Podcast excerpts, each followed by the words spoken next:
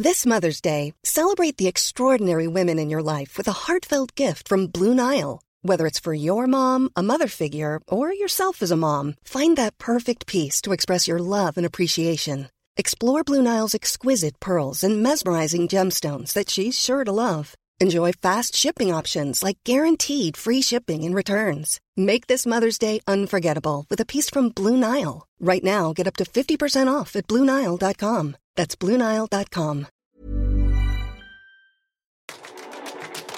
Hei og velkommen til Teknologitrender, podkasten som tar et entusiastisk, men også et kritisk blikk på hvordan teknologi og digitalisering endrer og påvirker våre liv og næringsliv. Episoden presenteres av Episenter, Oslos hub for digital innovasjon og et økosystem for innovative selskaper i vekst. Gå inn på episenteroslo.com og bli medlem du også. Nå har jeg kommet til veis ende for det som må sies å ha vært en utrolig og en urolig tid, og derfor også en spennende sesong for teknologitrender. Det har i stor grad handlet om kunstig intelligens, og nå i det siste om at de teknologiske fremskrittene som ser ut til å akselerere oss mot Singularity er uh, på full fart. Selv om jeg har diskutert det etiske og moralske relativt til selve utviklingen, så har jeg nok aldri brukt like mye tid som jeg har brukt denne sesongen her, til å filosofere. Uh, og iallfall ikke om hvordan vi som menneskehet snart kan forlate vår biologiske legeme, til fordel da for en heldigitalisert uh, fremtid, hvor vi da har evig liv i skyen. Den siste sesongen har selvsagt handlet mye om generativ kunstig intelligens. Vi har sett f.eks. hvordan OpenAI sin lansering av ChatGPT fanget oppmerksomheten til folk over hele verden. Da med dens potensial til å både forme oss til å bli bedre versjoner av oss selv, til å potensielt redde planeten, men også kunne bidra til menneskehetens undergang ved å manipulere oss til at vi til slutt ender opp med å utrydde oss selv. Det er jo lett å la seg fascinerende, og det er lett å bli blendet av alt eh, den nye, fantastiske teknologien kan gjøre. Og ikke minst av alt det spennende vi har fått anledning til å leke med og utforske i løpet av årets første halvår. Men til tross for alt det morsomme vi kan skape ved hjelp av bl.a. generativ kunstig intelligens, ja, så vil jeg understreke viktigheten av at vi også må ta en pause fra den. Jeg tror det bare blir viktigere og viktigere å prioritere tid til å oppleve den fysiske og analoge verden rundt oss. Prioritere tid til å bevege oss, til å virkelig leve i nuet. Til å oppleve virkelig alle aspekter av hva det vil si å være et menneske. Det betyr ikke det samme som at jeg støtter oppropet for mindre skjermbruk i skolen, som har blitt heftig debattert i det siste. Skjermen er ikke problemet. Det er måten skolene og undervisningen bruker, eller misbruker, eller ikke bruker disse skjermene, som er utfordringen. Det er heller den overdrevne skjermbruken på fritiden, f.eks. på sosiale medier, som bekymrer meg. Jeg er bekymret for eh, mange ting her. For debattklima, manglende personvern og sikkerhet. Og for så vidt også bekymret på tanke på plattformer som TikTok og land som Kina, og hvordan de kan bruke alle disse dataene de samler inn om oss, mot oss.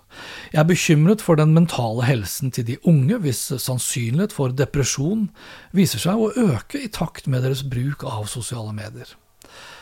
At vi da har en justisminister som er så, unnskyld språkbruket, altså, men så kåt på TikTok-berømmelse at hun først klarer da å ljuge i flere måneder i Stortinget uh, for hvorvidt hun brukte eller ikke brukte TikTok, for så da å, med den symboleffekten det har, da, uh, å kjøpe seg enda en smarttelefon, hvor da det eneste formålet med den telefonen er å kunne være på TikTok. Ja, det bekymrer meg. Og da blir det ikke noe bedre av at vi har en finansminister som skryter på direktesendt TV at uh, han lar da sin minste jente være på TikTok, selv om hun da ikke er gammel nok til det. Og så forklarer det hele da med at, uh, i parentes, nei, sorry, i gåstein, at folk over 40 må jo forstå at sosiale medier har kommet for å bli. Det er en idiotisk unnskyldning, mildt sagt. Samtidig så jobber den samme regjeringen da for at de skal reversere utdanningen til å bli mer cellulosebasert. Og på toppen av det så vil jo da også enkelte partier at all AI i det offentlige også da skal forbys.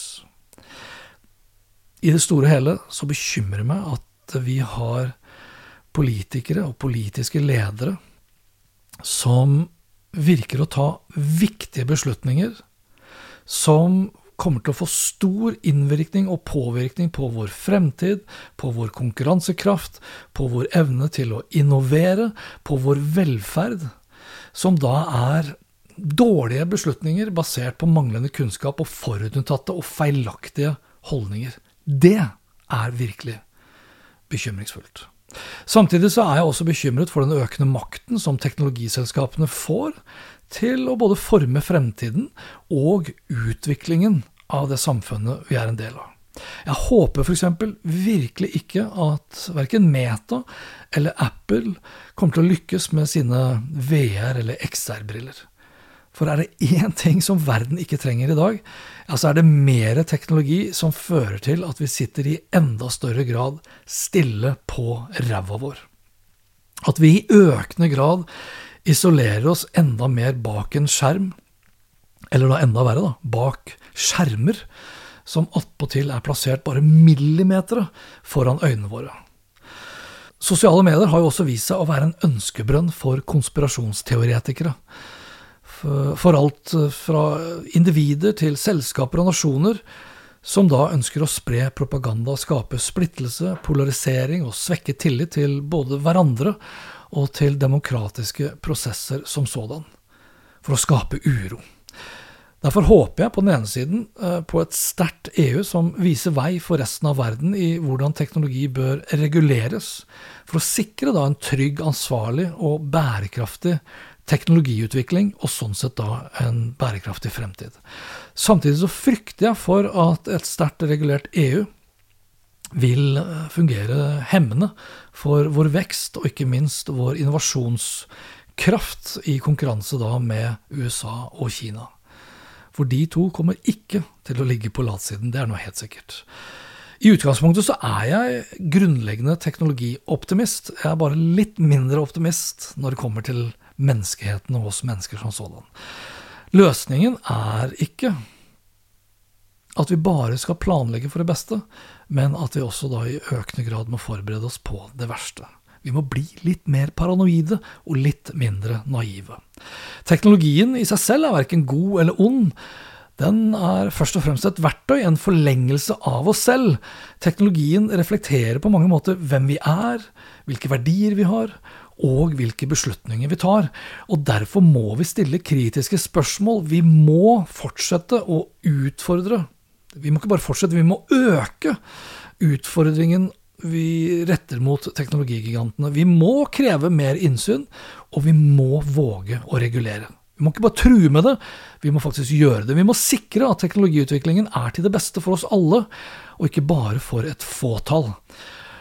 Når jeg ser på utviklingen vi har vært vitne til i løpet av det siste halvåret, så er jeg samtidig full av håp, bare så det er sagt. Vi har tatt enorme, viktige sprang fremover og potensialet for fremtiden er således også enorm.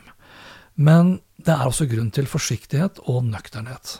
Teknologien utvikler seg i et eksponentielt tempo, og det er helt umulig for oss nærmest å holde tritt. Vi må gjøre vårt beste for å forstå hva den betyr for oss, hvordan den kommer til å påvirke livene våre videre fremover, og ikke minst da hvordan den kommer til å påvirke samfunnet som helhet. Og det er blant annet her jeg håper jeg da kan bidra litt, bl.a. da med teknologitrender.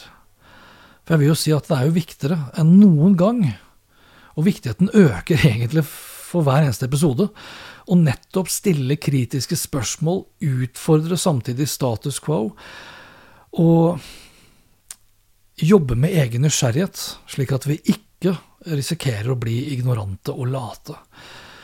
La oss heller satse på da, å være modige, nysgjerrige, og fremfor alt, la oss jobbe med å være mennesker. Mennesker som først og fremst bruker teknologi, ikke mennesker som blir brukt, og da i økende grad da, misbrukt av teknologi. Så med det, takk igjen for at du har vært med meg så langt. Håper du får en fantastisk sommer og sommerferie. Og så ses og høres vi igjen i august for uh, sesong ti av Teknologitrender. Snakkes da. Hei da.